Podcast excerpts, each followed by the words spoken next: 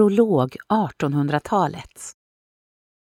Det är sommar på 1860-talet och du ser att det kommer många badgäster med ångbåten. De är nog här för att prova på den berömda Norrtäljegyttjan. Den sägs vara undergörande mot ledvärk och andra krämpor. Vägen från ångbåtsbryggan in mot staden är lerig och besvärlig men gästerna har nog säkert hittat rum att hyra. Några är redan på väg ut mot varmbadhuset i Societetsparken för ett första bad. Norrtäljes baderskor är berömda för sin gyttjemassage, men det finns också andra typer av bad att prova på, som tallbarrsbad och kolsyrebad. Du stannar till framför Societetshuset.